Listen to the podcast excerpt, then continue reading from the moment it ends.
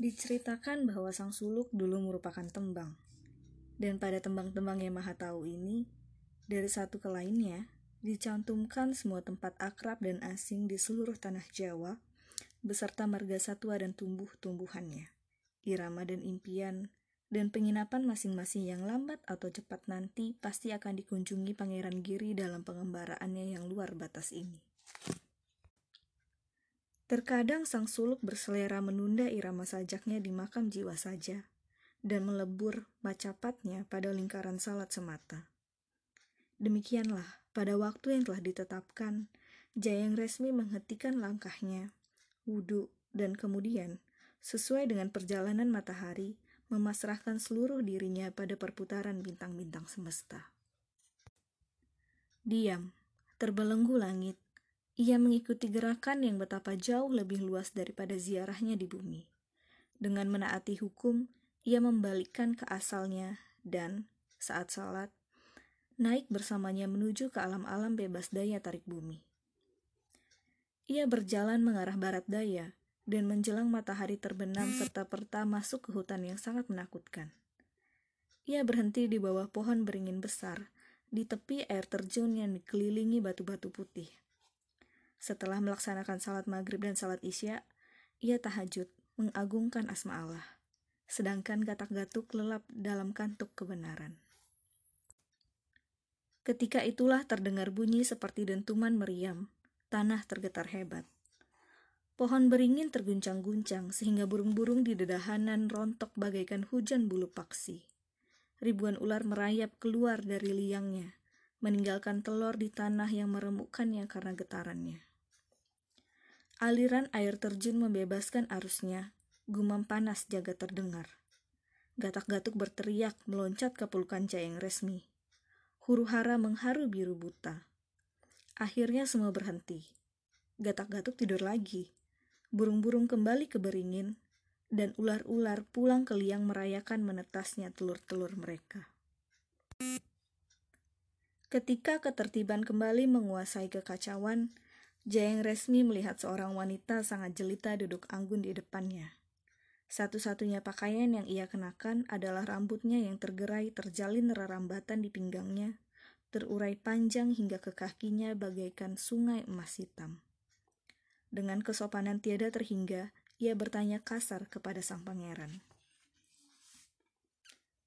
Dua faluhur, angin baik apa membawamu kemari? Atau lebih tepat lagi, Badai buruk apa? Dengan tapamu, kamu mendekatkan diri kepada Allah. Aku senang itu. Tapi kamu telah menimbulkan bencana bagi rakyatku. Rambutnya mengalun mengikuti gerakan bibirnya dan memperlihatkan mirah yang mematerai teratai sela-sela pahanya.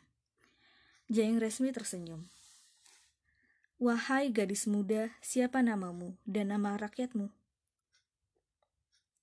Ketahuilah, anak muda, Aku adalah Putri Brawijaya, penguasa terakhir kerajaan Majapahit. Di saat keruntuhannya, kerajaan itu memeluk hukum Islam. Aku sendiri tidak sanggup tunduk pada kesempurnaan agama Rasul. Begitulah aku lalu pergi ke hutan Bagor membuka tanah ini.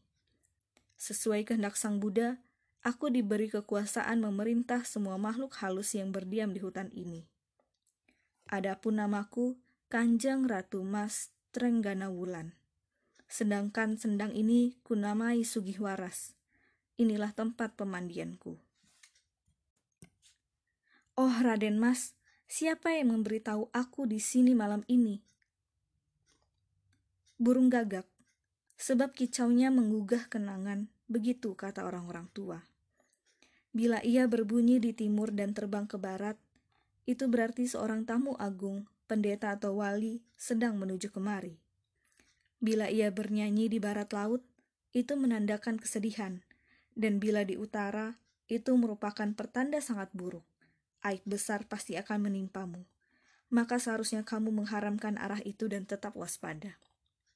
Bila bunyinya berasal dari timur laut dan gagak berparuh besar itu hinggap di bubungan paling tinggi, itu berarti kamu akan bertemu kembali dengan saudaramu. Ratu Mas Trenggana Wulan belum tuntas menguraikan ramalan gagak ketika seekor kera berpipi penuh melorot dari akar beringin dan memakan jambu yang ada di tangan sang ratu. Jayeng Resmi terkejut dan bertanya, Itu binatang apa? Kenapa pipinya menggembung dan tidak kelihatan ekornya?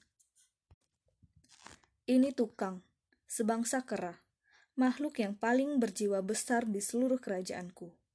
Ia sedemikian besar berkahnya sehingga dianggap bijaksana oleh para nabi dan wali, dan alat tubuhnya sangat bermanfaat bagi yang mengetahui ilmunya. Ilmu itu akan kuajarkan kepadamu. Pakailah demi kebaikan atau untuk kejahatan. Terserah, tapi jangan memujanya sebagai rahasia. Bila pikiranmu sedang kacau, ambil kepala tukang dan letakkan di atas ubun-ubunmu. Bila otaknya dicampur dengan minyak apa pun, kamu takkan mempan senjata. Gunakan bibir dan lidahnya sebagai jimat penangkal petir. Dan bila taring dan cakarnya digunakan untuk menggaruk orang yang sedang tidur, dengan izin Sang Hyasiwa, orang itu akan mati ketiduran. Bila bulunya disebarkan di rumah, pencuri tidak akan dapat melihat rumah itu. Adapun pusarnya, jika digerus alus akan bisa dipakai sebagai jamu usus besar di hari berangin. Seandainya mata kiri tukang dicampur dengan kesturi dan kapur barus dan kamu oleskan ke buah pelirmu, maka insya Allah kamu akan dicintai baik oleh kaum lelaki maupun perempuan. Habis sudah ilmu tentang tukang. Namun, wahai dua faluhur, tidak sepantasnya menemani pria tanpa tahu nama maupun tempat tinggalnya. Wahai Raden Mas, aku tidak lagi punya akar dan tikar. Siang dan malam aku berjalan mencari adik lelaki dan perempuanku yang tersasar dalam tembang sang suluk di luar batas. Tempat kita, kamu dan aku, demikian pula semua makhluk di hutan ini merupakan satu desahan singkat saja. Ampun, jangan menyebut tembang atau kakawin. Mendengar kata-kata itu hatiku segera kembung kesedihan. Ketahuilah, wahai anak muda, di keraton ayahku, Raja Brawijaya, aku biasa menembangkan riwayat luhur karya Kawi Agung Majapahit bagi para duta besar yang datang ke negeri Siam, Persia, Campa, dan Mongolia dengan membawa harta yang sangat berharga. Namun semua itu tiada yang sebanding dengan satu Purwakanti pun yang jatuh dari bibirku. Sebab sajak-sajak ini dapat menjauhkan si curang dari judi, tukang mengobrol dari guncingan, pengecut dari kehinaan, si serakah dari keuntungan. Purwakanti ini memuliakan semua tamu tanpa pandang bulu, dan siapa pun yang melantunkannya akan terangkat keluar raganya dan hanyut dalam rasa keindahan. Itulah sebabnya kami menamai syair kami Kalangwan, keindahan tulen. Deminya aku bersedia mati. Namun Sang Hyang Siwa berkehendak lain dan memberiku burung selangit untuk menghiburku. Tetapi hilangnya keindahan dapatkah terobati? Terenggana Wulan mengibaskan kepala, merapikan rambutnya yang basah embun serta berkata anggun. Wahai dua faluhur, kamu masih harus memikul raga dan dukamu. Rajinlah meneruskan tapa beratamu, sebab tidak lama lagi kamu akan melebihi semua orang pintar dan petapa tanah Jawa. Belum tiba waktunya menemukan kembali adik-adikmu akan kau temukan kembali mereka kala kamu dihukum nanti karena bid'ah dan diceburkan ke samudra. Semak-semak menguap pagi, teranggana wulan mengabur. Bangun gatak-gatuk, sang ratu tidak membekas. Ekor tukang melintas, sedemikian kecil bagi pukas betinanya. Catatan di mulut Ratu Teranggana Wulan tersimpan beberapa penggalan ngelmu burung yang ia ajarkan kepada Jayang Resmi, ya, dan yang bersifat ensiklopedia. Teranggana Wulan dijadikan terpelajar, pecinta syair karena menemukan majub di sana, sebagaimana dijelaskan PZ Mulder dalam bukunya Kalangwan, penerbit Jembatan 1983 Jakarta. Ia merupakan penjelmaan syair-syair tantra, dan memberitakan syair-syair sufi yang akan terwujud di tumbuh tambang raras, istri Among Raga.